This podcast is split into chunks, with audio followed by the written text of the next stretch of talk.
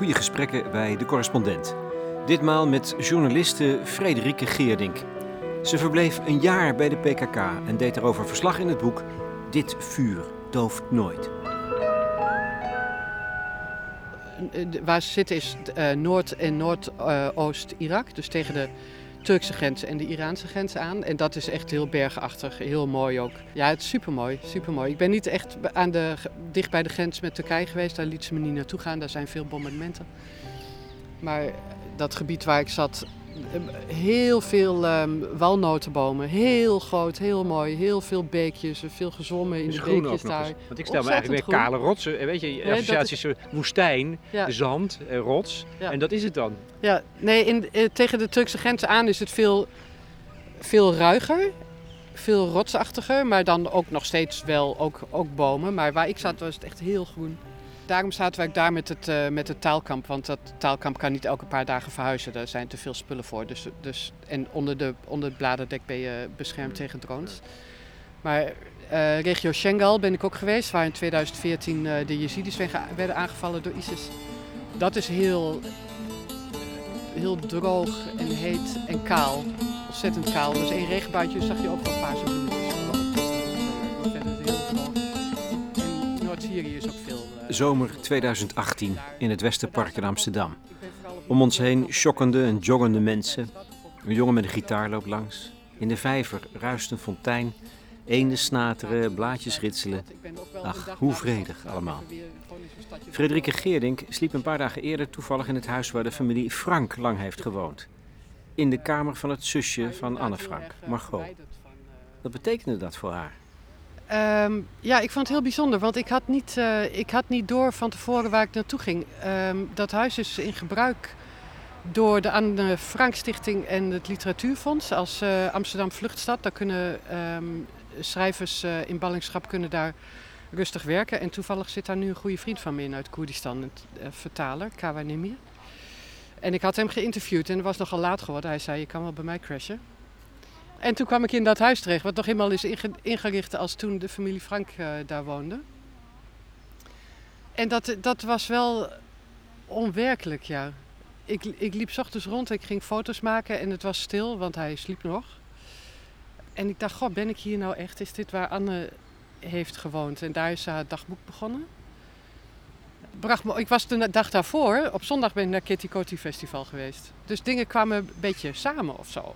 Van het, nu leven we weer in een tijd waarin um, fascisme opkomend is en genormaliseerd wordt. Ja, dat is, dat is waarom um, ik het ehm, vraag natuurlijk. Ik zeg hier vrede. Heb jij sterk het gevoel dat het fascisme terug is? Ja, zeker. Zeker. Niet terugkomt, maar terug is en ook genormaliseerd wordt. En, en ja, dat ik is heb, huiveringwekkend? Heb, ja, dat is absoluut huiveringwekkend, ja. Maar vrede is ook. Um, ik, heb, ik heb een beetje afstand genomen van, van dat woord als, een, als iets, uh, iets heel moois waar je per se altijd naar zou moeten streven of zo. En ik denk ook hier is wel, hmm. dat is misschien gek om te zeggen tegelijkertijd hoor, maar um, dat wij hier in, in vrede leven is ook een ontzettende luxe positie, want wij voeren onze oorlogen elders. Nederland is ook betrokken met de F-16 bij de oorlog, oorlog in het Midden-Oosten. En voor de mensen die wij buiten de deur houden, die, die um, zogenaamd dicht bij huis, nou ja, fysiek dicht bij huis, maar daar geen leven, geen toekomst kunnen opbouwen, omdat wij hier geen mensen van buiten willen en die grenzen maar steeds verder dichtgooien. Um, ja, dan kunnen wij hier lekker in een parkje zitten en iedereen heeft zo, weet je, mensen zijn tai chi aan het doen en aan het babbelen en lekker in de zon aan het liggen. En, hallo, er zijn allemaal dingen gaande, je merkt het misschien hier niet. Maar er zijn er zijn uh, grote belangrijke dingen gaan. En wordt allemaal eens een beetje wakker of doe eens iets. En daar kwam ik daar in dat huis waar Anne Frank en haar familie woonden, werd ik daar ook wel weer mee, weer mee geconfronteerd. Ja. Ja. Het fascisme is, is terug, van weg geweest. Om te beginnen in Turkije. Ja, maar daar is het altijd, daar is het sinds het begin van de, van de republiek geweest in 1923. In Turkije moet je Turk zijn en Soenitisch uh, moslim zijn. Koerden en Turken hebben, hebben samen, samen gevochten na de Eerste Wereldoorlog om buitenlandse mogendheden uh, Anatolië uit te trappen. En dat deden ze succesvol. En toen begon Turkije, maar vanaf dat moment zijn de Koerden eigenlijk niet meer serieus genomen als, uh, als bevolkingsgroep met hun eigen taal en cultuur. En, en, en dat, heeft, um, dat heeft ook een fascistische ondergrond. Iedereen, iedereen moet hetzelfde zijn. En je bent geen, ook als je een Turk bent, ben je toch een Turk. En je moet zo zijn. En, en Koerden zijn gedwongen geassimileerd. En daar is het systeem heel succesvol in geweest en nog steeds. En ik geloof dat je dat, dat wel ook zo moet benoemen. Je kan daar heel genuanceerd over doen. En dan kan ik ook kan het allemaal heel goed eh, uitleggen hoe dat allemaal zit. Maar uiteindelijk moet je wel dat etiket plakken, geloof ik. En dan, daarom vind ik vrede ook een lastig woord. Want je, um, dat is niet per se waar je naar zou moeten streven. Je zou moeten streven naar rechtvaardigheid en, en gelijkheid en vrijheid. Daar zou je naar moeten streven. En als dat, en als dat zou betekenen om de, de uiterlijke vrede, als je die daarvoor moet doorbreken, dan is dat, dan is dat misschien soms nodig. En zolang dat niet bestaat, is er geen vrede, zou je kunnen zeggen. Ja, precies. Dat zie je in Turkije ook, dat je um, die, die, de oorlog met de, met de PKK, die in begin jaren tachtig begon, voor veel, voor veel Turken is dat dan het moment waarop de vrede verbroken werd. Nou, een paar jaar daarvoor, in 1980, had je de coup in Turkije. Dat was ook, er zijn heel veel mensenrechten schendingen. Dat was heel um, heftig ook. Maar voor, voor, veel Turken is in 1984, toen die eerste PKK-bom kwam, is de vrede doorbroken. Maar Koerden hebben het vaak over een rechtvaardige vrede. En die is er voor Koerden nooit geweest. Die zijn vanaf 1923, en eigenlijk daarvoor al, maar dat voert een beetje ver. Um, is, hun, is hun hun vrijheid om te zijn wie ze zijn afgenomen. Dus die Koerden hebben in de republiek nooit vrede gekend. Dus je moet, vrede is niet alleen maar voor, voor veel Turken, is dat misschien onze soldaten komen niet meer um, in doodskisten terug uit de bergen. Maar voor Koerden is het ook dat zij in vrijheid kunnen zijn wie ze zijn. En jij bent zelf, als het gaat over um, het fascistoïde karakter van het land, aangevoerd door uh, Erdogan. Jij bent zelf het land uitgeschopt, een paar jaar geleden. Had er jarenlang als correspondent gezeten. Wat ben jij toen kwijtgeraakt? Ja, ik zeg, ik zeg eigenlijk nog steeds dat ik mijn leven ben kwijtgeraakt. Ik heb, zo, zo, zo heftig ja, is dat? Ja, en daar, daar, daar uh, moet ik ook nog steeds mee dealen, zeg maar. Ik had... Um, in, of ik ben in 2006 daar naartoe gegaan. Eerst uh, jaren in Istanbul en langzaamaan meer in Diyarbakir in het Zuidoosten. En uiteindelijk daar gaan wonen. Um, ik had mijn vrienden daar. De hele maatschappij is veel meer gericht op gezamenlijkheid. En ik, ik woonde daar alleen. Ik leefde in principe alleen. Maar toch had je een heel erg gevoel van erbij horen daar. En um, in Nederland voel ik me niet meer helemaal thuis. Het is ook niet meer helemaal mijn land. En ik, ik zat net nog. Er kwam een, uh, er kwam een vrachtwagen langs van een, van een voedselbedrijf en dat heette Luiten. En ik zag het van een afstandje en ik las Lutven, dat is een Turks woord. Dat kan natuurlijk in Nederland best, betekent alsjeblieft. Ik dacht, maar dat is mijn blik. Ik ben gewoon eigenlijk nog steeds daar. Fysiek ben ik hier, maar ik ben gewoon nog daar. Balling. Jij bent een balling dus. Ja, ja, ik vind dat dan een beetje een groot woord, maar misschien is het wel een beetje zo. Want het leven, het leven paste me daar heel erg. Heel, um, ik, ik kan niet zo goed uh, kletsen, babbelen. Daar ben ik niet goed in. En dat is in Koerdistan nooit. Het gaat altijd over politiek. Mensen zijn altijd bezig met die strijd. En met, met uh, investeren in hun cultuur en in taal. En, en, en, en, daar schreef ik over. En ik reisde rond. En je bent overal welkom. En um, daar viel alles voor mij op zijn plek. Dus dat uh, mis ik gewoon nog steeds heel erg. Ja. stekla siman Diler zebaye peşiyaya Nezik mayec berbange Wat heeft Erdogan tegen de Koerden? Um, het zijn geen Turken. Ja, dat is de korte versie. Um, ja, en nu wordt er vaak dan gevraagd wat, wat er met Erdogan is. Maar Erdogan komt uit het systeem. Hè? Um, Erdogan heeft nu wel het systeem echt veranderd, omdat het nu een presidentieel systeem geworden in, is geworden in plaats van een parlementaire democratie. Maar, hij, maar eigenlijk is het ook niet zo'n verandering, want het is heel nog centraler geregeld. Turkije is heel, Een hele sterke staat die alles onder controle heeft, tot de kleinste dorpjes aan toe. En mensen mogen niet zelf iets regelen. En Koerden willen dat wel. Koerden zeggen, ehm, ook verwijzend naar internationale verdragen van de VN, volken hebben recht op zelfbeschikking. Wij zijn een volk, wij willen onszelf, ons, onszelf uh, besturen. En ehm, dat gaat tegen, tegen de machtshonger van Erdogan in, maar dat gaat ook in tegen het hele idee van de staat. De staat in Turkije is. Um, het eerste doel van de Turkse staat is om zichzelf te beschermen. Terwijl je zou toe moeten naar een staat die haar burgers beschermt en de vrijheid geeft om zichzelf te zijn. En in die zin heeft Erdogan dus helemaal niet iets veranderd. Hij heeft dat systeem alleen maar versterkt en, en het systeem gebruikt om te komen waar hij nu hmm. is. En de Koerden die, die, die morrelen daaraan. Die zeggen nee, wij, je moet we moeten decentraliseren. Niet per se alleen Koerdistan, maar ook andere...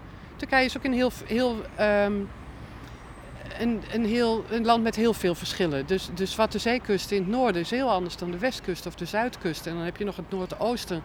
Het hele bergachtige noordoosten, waar ik helaas nooit geweest ben. Maar wat ook weer zijn eigen karakteristieken heeft. Dus het is geen land dat centraal bestuurd zou moeten worden. En, en ik snap ook wel dat als je daar helemaal mee opgroeit, met het houden van die staat, dat je dat ook niet zomaar, dat je dat ook niet zomaar loslaat. En ik veroordeel Turken daar ook helemaal niet om. Ook Turkse Nederlanders niet. Hoe daar dan over wordt gepraat, dat, is echt afschuwelijk. En zo, zo'n Nederlands superioriteit zit daarin. Dat, dat is echt, mensen vinden dat soms gek dat ik dat dan zeg. Maar ik vind ook juist dat ik dat moet zeggen, want dat is precies als je mensen zo veroordeelt en zegt ze moeten Nederlander zijn en ze moeten kiezen, dan doe je precies wat Turkije doet. Jij moet iemand zijn. Ik ga jou nu vertellen wie je bent. En jij denkt misschien dat je een Turk bent, maar je bent een Nederlander. Nee, die mensen voelen zich ook verbonden met Turkije. Ja, nou en? Ik voel me ook verbonden met Turkije, met Koerdistan. Ik ben, ik ben helemaal niet zo, ben ik zo loyaal aan Nederland? Dat vraag ik me heel vaak af. Maar van mij wordt dat niet afgevraagd. Ik heet Frederike Geerdink, ik ben wit, ik ben ik, ik, ben, ik val buiten die verdenking. Terwijl ik er wel inval hoor. Maar zo gauw je dan uh, Ahmed heet of, te, of, uh, of zo. Je moet Nederland. Nee, die jongen is Nederlander, maar die is ook, die is ook Turk en die is ook, um, weet ik veel, uh, advocaat of wat hij verder ook maar is. Vader en zoon. En weet je, geef, hem, geef mensen die vrijheid.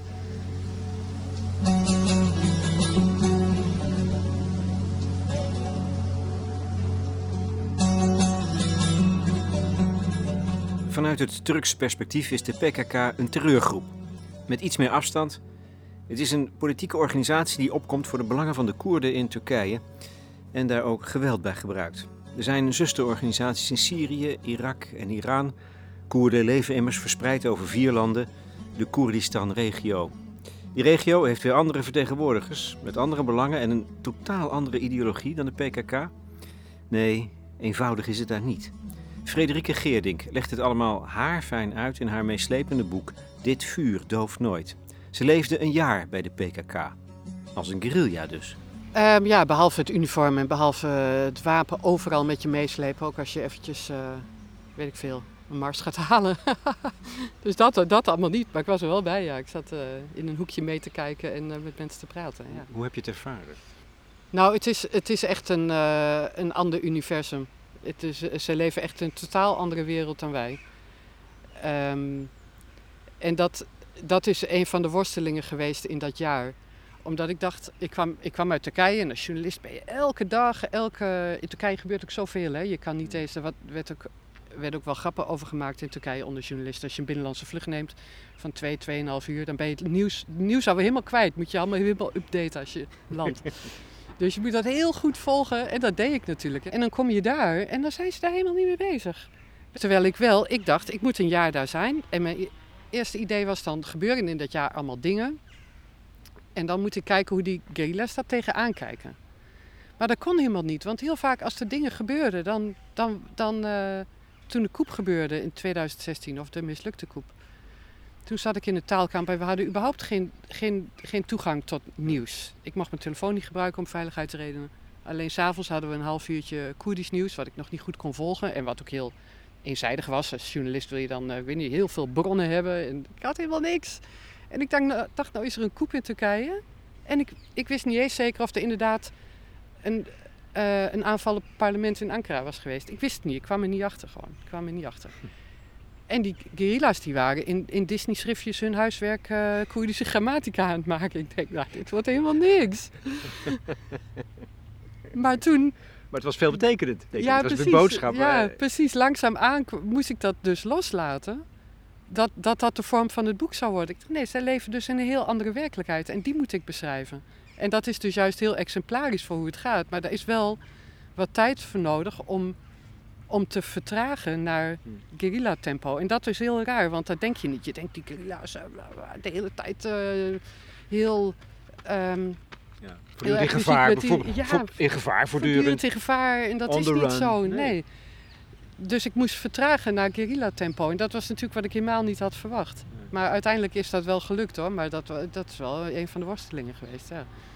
Het beeld dat het bij mij oproept, een van de associaties die het bij mij oproept, zoals jij erover schrijft, is uh, het monastieke. Ja, het is in de open lucht, dus geen, niet in de kloosters. Maar het mhm. doet mij in, in, een aantal opzichten denken aan, aan kloosterleven. Ja, die associatie komt niet zo snel bij mij op, moet ik zeggen. Want dat is gewoon niet zo... Uh... Um...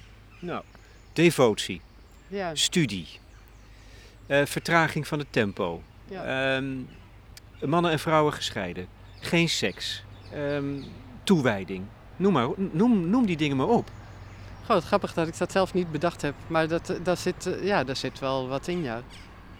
En het is ook een heel een hele, een hele grote strijd die niet per se gestreden hoeft te worden tijdens het leven dat wij nu leven. Andere tijdrekening. Ja, een andere hm. tijdrekening, absoluut absoluut. En dat heeft mij ook wel, ook wel geholpen in die tijd van, in dat, in dat loslaten van, niet dat ik dat al heb losgelaten allemaal, maar van, van het vliezen wat ik, wat ik in, uh, in Zuidoost-Turkije had. Maar toen had ik daar met, met een Kirilla over. En uh, ik, ik vroeg ook aan hem van, denk je dat, eh, dat je, hebben ze het grote dingen, hè? ze strijden dan tegen het kapitalisme, tegen het patriarchaat en allemaal van die grote dingen. Ik zeg, dat gaat in jouw leven natuurlijk niet gebeuren. Nee, maar dat hoeft ook niet, zei hij. Het is, wij, leggen een zaadje en ooit gaat het kapitalisme vallen. Dat is onvermijdelijk, dat moet gebeuren.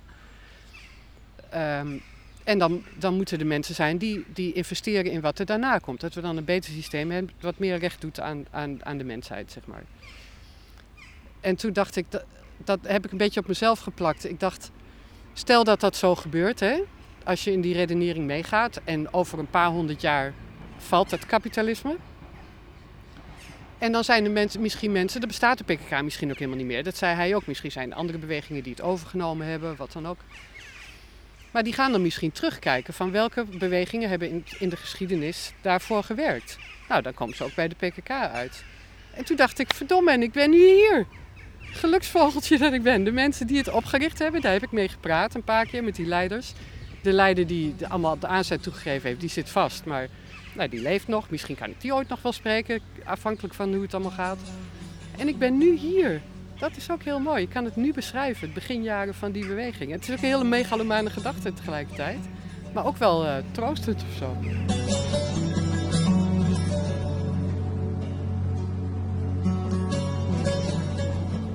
Wat is de PKK? Ja, een beweging, maar nog veel meer een ideologie. Ontworpen door de grote leider Öcalan. Zij zijn erg tegen uh, het, het, kapitalisme in combinatie met het nationalisme. En volgens mij zit daar iets heel erg belangrijks. Ja, ja dat voor, vind ik ook. Als je nadenkt over het Midden-Oosten, dat eindeloze conflict over grenzen en staten. Hier ligt een oplossing, volgens mij. Ja, ik geloof het ook. Ik geloof het ook. Um, ik noem ze trouwens graag. Veel Turken verwijten mij dan dat ik ze vrijheidsstrijders noem. Ik heb de PKK echt nooit vrijheidsstrijders genoemd. Tegen enkel artikel, ook in mijn boek niet. Want dat is niet, uh, ik vind dat geen journalistieke terminologie. Um, dus ik zeg gewapende, ja, gewapende, gewapende Koerdische beweging. Of gewapende politieke partij eigenlijk. Um, en inderdaad, zij, nou, ze komen uit het marxisme. Ze zijn nu eigenlijk niet meer. Um, ze hebben daar ook wel afstand van genomen, van, van, van het communisme. Omdat zij zeggen dat dat is in de praktijk zo, zo, zo desastreus uitgepakt. Dus we moeten kijken waarom dat is. Het heeft mensen helemaal geen vrijheid gebracht. Het heeft onderdrukking en, en, en dood gebracht. En waar, waar ligt dat aan? En zij zeggen dat komt omdat ze in de praktijk of de ideologie, kijk, ik heb Marx niet gelezen, dus of dat in de ideologie ook allemaal niet goed is gegaan, daar moet je mij niet vragen. Um, dat komt nog wel een keer. Maar ze zeggen, dat komt nog een keer. In de praktijk hebben ze in ieder geval een paar dingen fout gedaan. Een van de dingen is dat ze natuurlijk heel centralistisch zijn gebleven. Heel eh, van bovenaf, er is niks van onderop gekomen. Hetzelfde principes dus nog steeds van de staat. Ja, en ze hebben geen afstand genomen van de nazistaat. En zij, zij verbinden dat direct aan de vrouwenstrijd. Zij zeggen ze hebben de bevrijding van vrouwen niet de belangrijkste, het belangrijkste doel gemaakt. En dat is wat de PKK uiteindelijk in de jaren 90 zijn ze die verandering gaan inzetten. En afstand genomen van dat, uh, van dat, van dat communisme. Um, en gezegd, je moet die vrouwenstrijd centraal stellen. En, en dat betekent niet, zoals in de Sovjet-Unie, dat, dat al die vrouwen werkten. Daar gaat het niet om, want dan, die vrouwen werkten in dat systeem. Dat was een patriarchaal systeem, dus dat maakt vrouwen helemaal niet vrij. Dat, dat, dat maakt vrouwen alleen maar meer gebonden aan, aan systemen die hun onderdrukken. En zij vinden de, de nazistaat per definitie een onderdrukkend systeem. En ook in het Midden-Oosten, maar uiteindelijk voor de hele wereld. Want wij zijn in Nederland ook een beetje vergeten hoe, hoe divers wij eigenlijk zijn. Niet alleen maar met mensen die hier niet, uh, wiens voorouders hier niet geboren zijn, maar ook, ook, uh, ook wij zijn veel diverser dan wij zijn. Um, het Midden-Oosten is van oudsher een plek waar daar komen alle grote wereldreligies vandaan. Of de, de monotheïstische religies dan toch. Um, het is heel multi-etnisch, multilinguistisch. Um, dus je kunt dat nooit in een staat vatten. Ik, er was wel grappig, vorig jaar was er een referendum over onafhankelijkheid in Noord-Irak, in, in de Koerdistan-regio daar.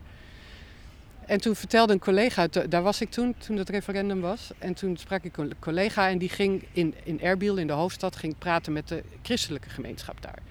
En die steunde heel erg de onafhankelijkheid van Koerdistan. Want zeiden ze, als dat, als dat er dan is, dan kunnen wij misschien daarbinnen autonomie krijgen. Nou ja, daar ga je dus. Hè. Welk, welk, wat je ook, wat je ook, welk land je ook uitsnijdt, er is altijd een minderheidsgroep die het onderspit delft. Dan noem je het weer Koerdistan, ja, waar blijven de, de Arabieren dan die daar wonen? Um, en, de en, en, de oplossing is, in het denken van de PKK, dus dat is een keuze voor, tegen kapitalisme en nationalisme, voor um, gemeenschapszin en, en gelijkheid, ma ja. waarden zou je kunnen zeggen. Ja. En hun oplossing is, hef de nationale grenzen op. Ja, en die proberen ze nu dus ook, dat, die proberen ze eigenlijk te ondermijnen nu ook. Dat is het systeem wat ze in Syrië opzetten. Um, dat, dat je mensen op lokaal niveau uh, zichzelf laat besturen. En dan krijg je dus automatisch dat de mensen die daar wonen het voor het zeggen hebben. En dan is er een sociaal contract, noemen ze dat, een soort grondwet, die dan bepaalt van, uh, naar aanleiding van de bevolkingssamenstelling hoe, hoe het bestuur eruit moet, zijn, uit moet zien. En dan is er um, voor, voor iedereen een plek. Dus als de Arabieren in de meerderheid zijn, zoals nu bijvoorbeeld in Raqqa, probeer ze dat ook op te zetten. Want dat is door, ook door de Öcalan-strijders, zeg maar, um, is dat ingenomen. Um, dus probeer het bestuur over te dragen aan de mensen daar. Dus dat is wat dan gezegd, de Koerden besturen Raqqa. Nee, het idee is nou juist dat je de mensen die daar wonen voor het zeggen geeft. Dus dat zijn Arabieren. Maar het zijn ook Koerden en, het zijn, en er is ook een christelijke gemeenschap. Dus die moet je allemaal een plek geven. En, en ook hun de vrijheid bieden om hun eigen taal te onderwijzen, te spreken. Ook de, de, het noorden van Syrië heeft nu uh, drie officiële talen. Um, en zo, zo maak je eigenlijk um, de nationale staten overbodig. Want de Koerden zijn natuurlijk heel erg belemmerd door de grenzen die zo'n 100 jaar geleden getrokken zijn in Koerdistan. Er kunnen, nu staat er een, een, muur, veel mensen weten dat niet. Er staat een muur op de grens tussen Turkije en Syrië. Mensen kunnen niet meer hun hun gemeenschap aan de andere kant van de grens bezoeken. Want dus Koerden eh, leven en in Turkije, en in Irak, en in Syrië, en in Iran. Ja. En dat, dat wordt mensen onmogelijk gemaakt om, om handel te drijven, om hun, hun, hun gemeenschap aan de andere kant van de grens te bezoeken. Dus als je die grenzen overbodig maakt en mensen echt, echt wat te vertellen geeft, dan, uh, nou ja, dan ondermijn je die nazistaat. En dan is het inderdaad, wat zij noemen dat dan, een meer matriarchaal gerichte samenleving. Ja, nou gaan, we naar de, nou gaan we naar de neolithische tijd. Ja. het is aan jou of we daar naartoe gaan. Ja, nee, nee, natuurlijk. Maar goed, dat, dat kan niet anders als je over de PKK praat. Dat heb je al duidelijk gemaakt. Maar dat vind ik een van die mooie dingen. Je hebt het over guerrilla-beweging. Nou, daar wordt ongelooflijk veel gestudeerd. Jij, Ja. hebt, jij hebt in een taalkast gezeten daar in die bergen, maar iedereen is daar aan het studeren. Dus dat is al een verrassing. Ja. In de boeken, jongens. Kom Ja. op. Ja, er zijn ook overal boeken. In elke grot hebben ze weer een boekenplankje getimmerd of uitge, met, een, uit, met explosieve gat in de muur gemaakt waar ze boekjes op kunnen Ja. zetten. En, eh, ja. Afgedien, dit heeft hij toch iets ontwapenends. Want als je nou denkt over de ellende in het Midden-Oosten. En je zegt notabene dat daar nu, nu de derde wereldoorlog met onze hulp ook wordt uitgevochten. Hè, dat vind ik nogal wat. En je, en je denkt vaak het is eindeloos. Dit conflict is niet oplosbaar. Maar hier is volgens mij een gedachte. Voor het eerst dat ik denk, hé, hey, Mhm. dit is een vruchtbare gedachte. ja, ja, ik geloof het ook. En het is ook, ehm, het is ook helemaal niet macho of zo. Hè. Dat vond ik ook het hele prettige aan daar, aan daar als vrouw zijn. Dat, er, dat, je, dat je als vrouw echt volledig serieus genomen wordt. Er is een heel jaar lang geen seksistisch grapje gemaakt. Er is nooit met verkeerde blikken naar me gekeken. Er is, er, er is echt gelijkheid. En mannen, het doel van, van de mannelijke strijders is om eigenlijk hun, hun, ehm, hun mannelijkheid te, ja, te doden, zeggen ze dan in het Turks. Ehm, dat is ook de opdracht die Öcalan mannelijke strijders meegeeft. Van jij moet die, die, die giftige mannelijkheid in jou, die moet je om zeep helpen. Daar, daar gaat het om. Dus daar, en daar volgen de mannen ook onderwijs in. Er is vrijwel al het onderwijs is gezamenlijk met mannen en vrouwen. Maar er is ook gescheiden onderwijs. En daar werken mannen en vrouwen aan wat zij, zij moeten doen om, om als man en als vrouw bij te dragen aan een meer eh, ja, aan het onder, ondergraven van het patriarchaat. En, is ehm, het levensvatbaar, denk je? nou ja, in Noord-Syrië zijn, ze er, eh, zijn ze daarmee bezig om dat op te zetten. En dat is hartstikke lastig. Omdat er over het algemeen wel sectarisch wordt gedacht. En de, de meeste strijdgroepen sectarisch zijn. Dus, gaat dwars in tegen, de- tegen heel veel aspecten van de cultuur daar. In alle opzichten. nou, maar dat, dat geloven zij dus niet dat het op ingaat tegen de cultuur. Zij zeggen eigenlijk... ehm, het hele het sectarische gaat eigenlijk in tegen, tegen waar de mensheid behoefte aan heeft. Waar de mensheid behoefte aan heeft, is dat wij gezamenlijk op deze aardbol leven. En zorgen ook dat die. Het, het, er zit ook een heel erg duidelijk ecologisch aspect aan. Dat heb ik in het boek niet naar voren laten komen, dat ik in die militaire plekken zat. Ehm, uiteindelijk ehm, is al dat sectarische niet, dat is niet hoe de mensheid in elkaar zit. Dat, dat moeten we juist ondergraven door, door op dat lokale niveau ehm, samen te werken en met die verschillende lokale besturen netwerken op te zetten. En hoe, hoe gaan we elkaar in stand houden en helpen en zorgen dat we dat allemaal goed doen. Dus dat, dat is niet. Het is juist wat we nu doen met de wereld. Niet alleen daar, maar ook in Europa. Wat wij doen met wapenhandel en daar de boel plat bombarderen. En dan de mensen die daar de dupe van zijn weghouden. Dat, dat gaat in tegen wie wij als mensheid zijn. Als mensheid zijn wij juist erop gericht om samen, we zijn kuddedieren. En daarom, daarom vond ik het ook in Diyarbakir zo prettig. Daar heb je veel meer dat gevoel dat je. En hier niet, hier, hier ben ik ook alleen.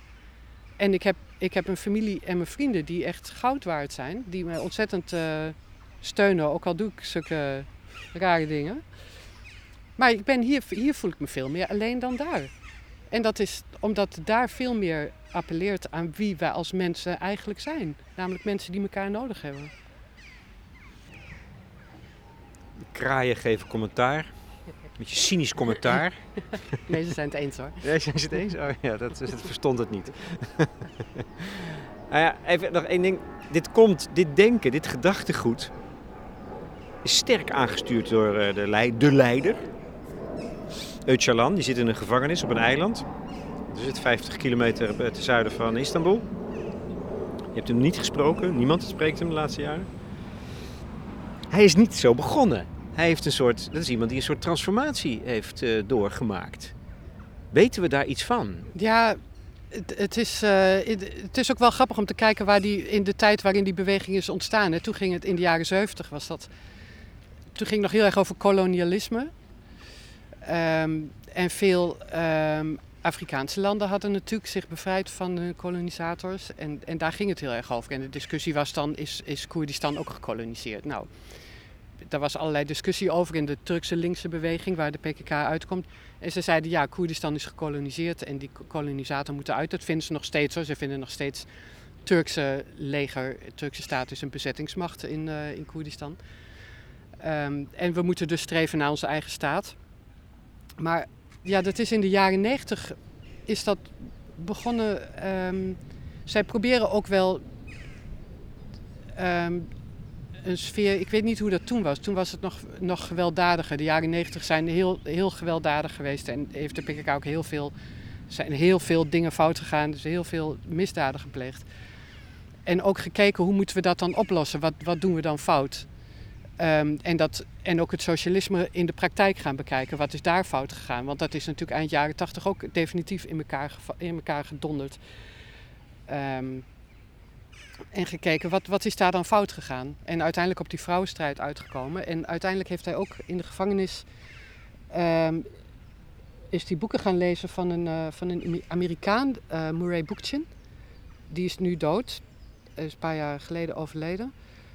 Um, dat, was, dat was vroeger een, uh, een communist en later werd het een anarchist. En toen heeft hij ook van het anarchisme afscheid genomen. En uiteindelijk is dat um, ja, democratisch confederalisme is het systeem waar ze dan nu naar streven. En dat is, hij heeft zich laten inspireren door die Amerikaanse um, politieke denker.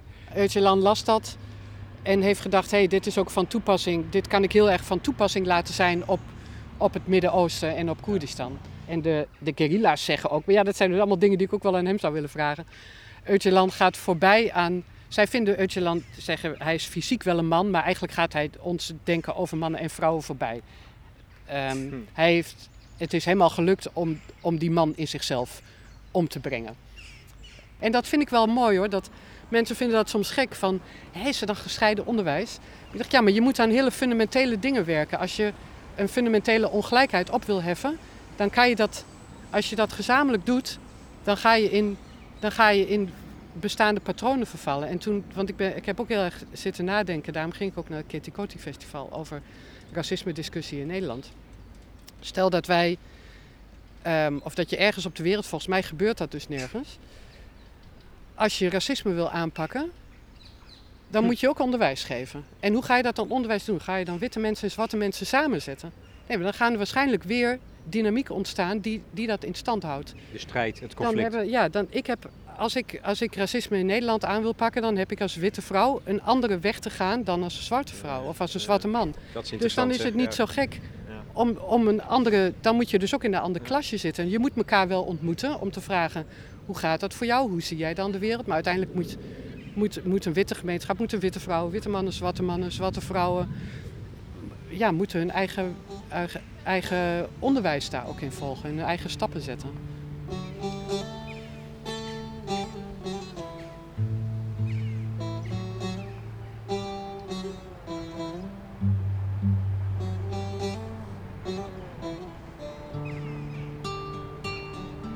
Heeft het je niet beroerd? Heeft het je niet in die zin, ja, ik zou bijna zeggen, soms ook gelukkig gemaakt gewoon? Van hé, hey, dit kan, dit bestaat. Ik, maar niet alleen als journalist. Mm ja, ja, ja. Ja, je vreest dat ik weer uh, op die journalistiek terug ga komen. Ik hoor het. ja, ik zet er nog net op tijd een komma. Hè?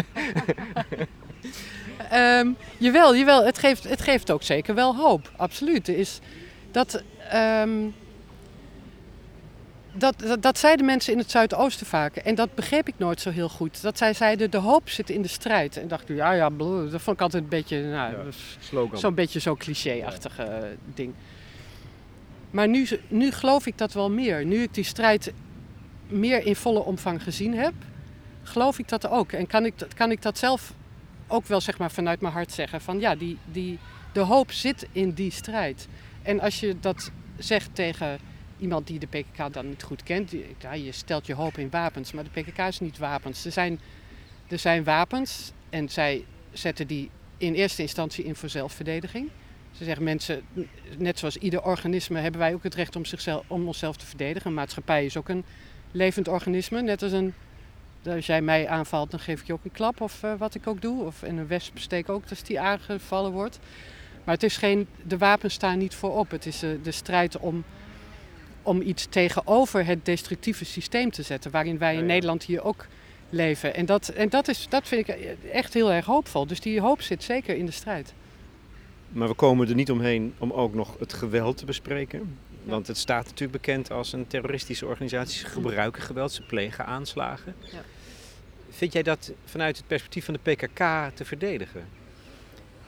Ja. Hoe zie je dat eigenlijk? Ja, Ja, ja dat, eh, dat vind ik wel. Net zoals zij zeggen van uiteindelijk moeten wij onszelf, moeten wij onszelf verdedigen. En het Turkse leger, dat is er om de staat te beschermen, om de belangen van de staat te beschermen en om mensen te onderdrukken.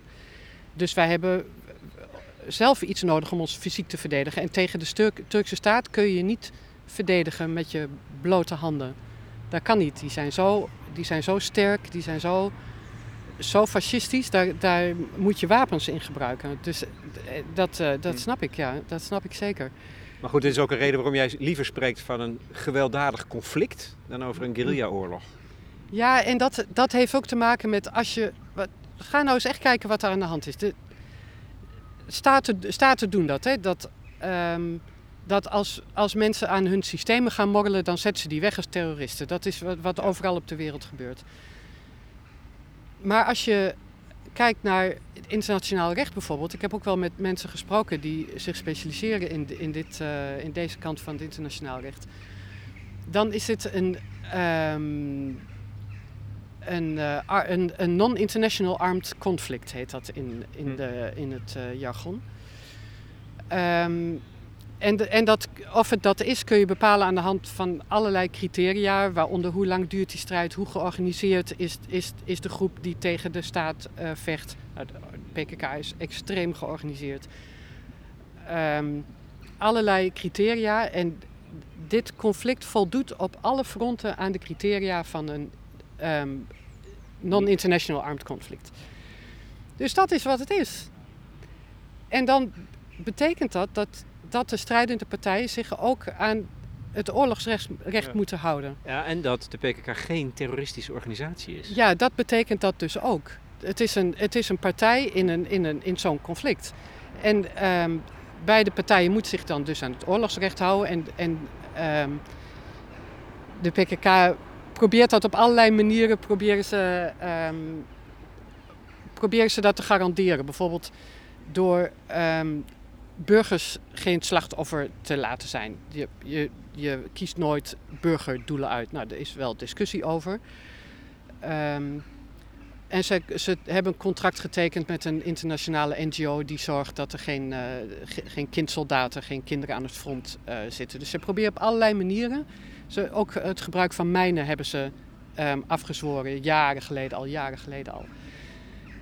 En als je kijkt naar de Turkse staat, die doen dat niet. Die, die, die targeten direct wel de burgerbevolking. Die, ehm, nou ja, die, die treden het oorlogsrecht met voeten echt uitgebreid. Dus dat, dat, dan krijg je een heel ander perspectief op die strijd. Zijn ze terrorisme aan het bestrijden? Nee, ze, zijn maar niet, ze, zijn, ze, zijn, ze zitten in een conflict en ze houden zich niet aan de regels. En de PKK zeggen mensen ook niet altijd, dus daar heb ik ook Ja. heel veel discussie over gevoerd met de strijders. Ehm, er is vorige week nog weer, eh, was groot in nieuws in Turkije, een, eh, een man vermoord in, in het oosten van Turkije. ehm, die een burger was. En de PKK heeft, die, eh, heeft een paar dagen later dat ook opgeëist, dat ze dat gedaan hebben. En ik met strijders over gepraat. Waarom doen jullie dat? En zij zeggen, ja, dat zijn mensen die hebben misschien burgerkleding aan, maar die, wij, wij, wij, wij kennen Koerdistan heel goed. Wij kennen iedereen, wij kennen iedere familie, wij weten van iedereen de banden die zij hebben. En van sommige mensen weten we dat zij actief betrokken zijn bij het vermoorden van Koerden, bij het, bij het ehm, opzetten en uitvoeren van moorden op onze mensen. Dus die mensen schakelen wij uit. Kunnen ze wel een spijkerbroekje aan hebben, maar dat maakt het voor ons nog geen burger. En ik heb daar ook naar gevraagd van, ehm, is het nou eigenlijk niet stom, want de PKK en, en de Öcalan-strijders hebben een beter imago door jullie strijd tegen ISIS. En dan ga je burgers vermoorden. Dat is gewoon dat is wel dom. Daar verspil je ook weer goedwil mee. En een van de strijders was daar echt heel expliciet, expliciet in. Die zei expliciet in. Hij zei: Het kan me echt helemaal niet schelen wat jullie daar in het westen van denken hoor. Jullie eh, in jullie leventje, weet je wel, wat jullie daarvan vinden. Jullie leven niet hier, wij leven hier. En er zijn, er zijn mensen in, in Koerdistan die tegen, die tegen het Koerdische volk, die, die met de staat samenspannen om, om burgers te vermoorden. En om te zorgen dat onze activisten ongewapende activisten langdurig in de bak belanden. Kan je wel zeggen dat we die met rust moeten laten, maar het kan ons echt niet schelen wat jij ervan vindt.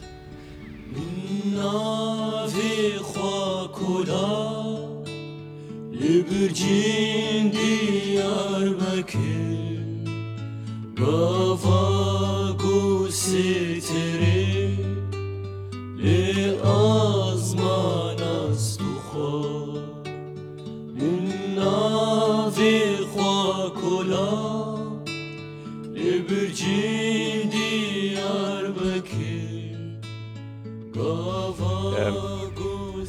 Je hebt heel veel vrouwen gesproken natuurlijk, jonge vrouwen, meisjes, die er soms als ze puber zijn komen, melden ze zich. Mhm. Soms tegen het verlangen, de uitdrukkelijke wens van hun eigen familie in.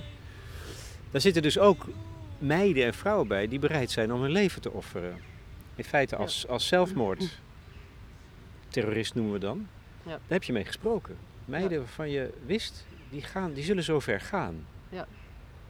Nou, het, het, het wonderlijke is zelfs dat ze in principe, in principe er allemaal naar streven om zo, zo ver te kunnen gaan. Maar dan zit je dus aan de kant van die jihadisten, de, de, de, de, de, zelfmoordterroristen, die wij vanuit ons westerse perspectief bijna altijd beschouwen als het, als het meest nou ja, vrede, onmenselijke soort mensen die er zijn. En eigenlijk heb je daar dus ook met, met die mensen gepraat die in feite tot, tot hetzelfde in staat zijn. Ja, maar om, maar om uh, op een andere manier en om, uh, om andere redenen. Ja. Um, als um, ISIS-aanslagen door zelfmoordterroristen, dat, er was toen eens zo'n verhaal over ergens in Irak een, een potje voetbal tussen jochies van 12. En daar sturen ze dan een kind op af en die laat zich ontploffen tussen het publiek. En al die voetballetjes waren dood. Dat, is, ISIS, van, dat is ISIS. Dat is van een heel andere orde. Bij een van de, een van de legendarische is, uh, is Beritan. Zij heeft zichzelf van een klif gegooid in, uh, in Noord-Irak omdat ze, ze was in het nauw gedreven in een, in een, uh, een oorlog die daar toen speelde. En ze zou krijgsgevangen genomen worden. En dat liet ze zich niet gebeuren. Dat is, dat is wel, je mag je nooit krijgsgevangen laten maken. Dus toen heeft ze zich van een klif afgeworpen. En een andere is Zilan. En Zilan die heeft zich um, opgeblazen in, uh, in Dersim, een stad in Turkije. Um, in het midden van een, uh, een militaire ceremonie. Dus met, een, met militairen als, uh, als doel. En dat nu, de PKK doet dat nu wat vaker in het Zuidoosten. Mensen die uh, ook met bijvoorbeeld een, een truck met, uh, met explosieven zich opblazen bij een legerbasis. En dat heeft ook te maken met de ontwikkeling in de strijd. Um, dat Turkije vaker bijvoorbeeld gewapende drones inzet. En daar, daar kun je als guerrilla-strijder veel moeilijker uh, je aan onttrekken. Dus je kunt veel moeilijker een legerbasis benaderen om een aanslag te plegen. Um, als guerrilla, dus dan um, de, de, enige manier om, dat, om, die, om die tactiek van het leger te omzeilen is om met een truck met, met explosieven daar aan de poort te gaan staan en je dan op te blazen. En dan, daar, daar, moet je ook, daar moet toestemming voor gegeven worden. Dat doet nooit iemand zomaar zonder dat de commandant het weet. Dus dan moet je een rapport schrijven en dan moet je uitleggen waarom je dat gaat doen, waarom je, waarom je vindt dat je daar klaar voor bent. Dus dan moet je in een brief uh, uitleggen dat je de ideologie begrepen hebt en bla bla bla. En waarom je dat doel kiest. Um, en dat zijn dan militaire, militaire doelen. Maar je kan het begrijpen. Um, nou, in die zin kun je dat, je kunt dat dus begrijpen in de zin van de, uh, de ontwikkelingen in de oorlog. Het zijn technische ontwikkelingen die ja. dat soms dus nodig maken. In die zin is het iets wat je dan op een op een uh, um, verstandelijk niveau kan, kan begrijpen. Maar je hebt ook met ze gepraat als meiden, als vrouwen. Ja, en dat, dat is een. Dat is een um, ja, zij, zij streven ernaar om zichzelf helemaal te geven. En het kan kan er ook op uitdraaien dat je jezelf helemaal geeft als, um, als iemand die leiding geeft aan de vrouwenbeweging in Noord-Syrië. Dat kan ook. En dat je, dat je op die manier strijdt. En het gaat er uiteindelijk om dat je jezelf zo onderwijst dat je uiteindelijk dat het, het, het bereikt wat jij als beste voor de, voor de struggle kunt doen.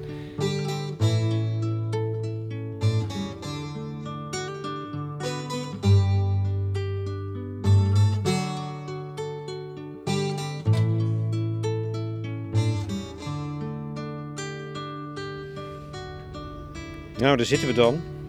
In dit parkje in de hoofdstad van Nederland. Vrede, maar niet heus.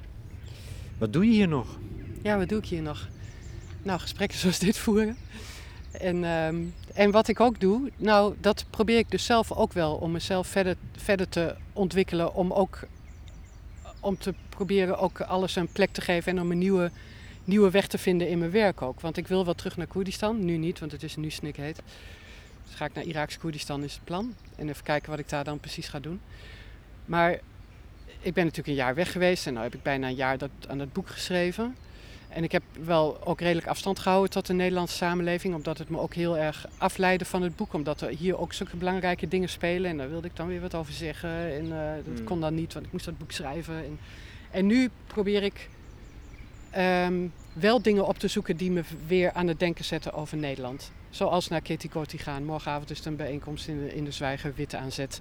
Wat, wat, kan je, wat kan je bijdragen? Um, ik ben, oh ja, ik ben wel tijdens het, tijdens het schrijven van het boek mee. Ik zat in de bus naar Dokkum, uh, de kick-out Zwarte Piet bus naar Dokkum. Ik dacht, daar moet ik toch wel echt bij zijn. dus daar ben ik mee naartoe gegaan. Dus ik probeer me ook op die manier, nou ja, ook te, te kijken wat kan ik hier doen en waar moet ik hier aan bijdragen om, om, het, uh, ja, om het beter ja. te maken. Maar ik kan me bijna niet meer voorstellen dat je hier nog thuis voelt. Nee, voel ik, voel ik me ook niet helemaal. En het zijn familie en vrienden die dan, waar ik hier um, um, op leef, zeg maar. Maar ik vind het heel, nu in de zomer, als je dan s'avonds over de grachten loopt in Amsterdam, al het, al het uh, fretier, zeg maar. Ik, uh, ik vind het echt ontzettend lastig. Mensen, uh, festivalletje hier, bandje daar. Weet je, en dat, ik weet wel dat dat is wat je ziet en dat er ook een heleboel mensen zijn die wel zich actief inzetten voor, of, eh, voor een, een, beter land en tegen, tegen dat fascisme wat er weer is. Maar het is allemaal ook heel erg licht in Nederland. En dat vind hedonistisch. Ik, ja, ja, en als ik daar met strijders over had, zat ik nou woorden te zoeken en dan zeiden ze ja, kapitalistisch. Dat is dus gewoon de kapitalistische manier van leven. Ja, dat is zo. Je bent heel erg ook met je, met je bevrediging van je eigen pleziertjes bezig. En daar ben ik nooit zo van geweest. Maar nu nog minder. En ik wil, ik wil, daar, ik wil me daar ook uh, een beetje verre van houden, zeg maar. Ja. Dankjewel. Alsjeblieft. Een goede reis. Ja, dankjewel.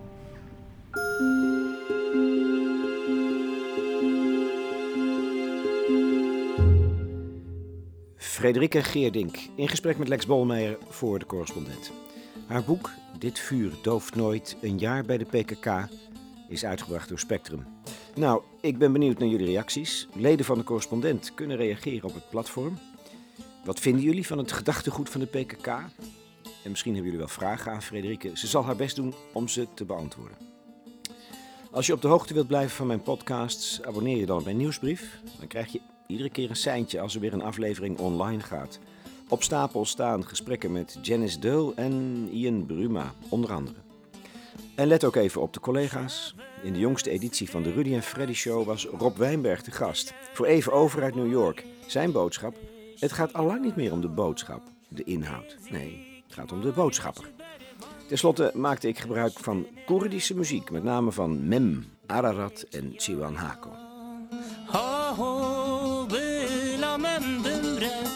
گازی در دست ما بیچاره.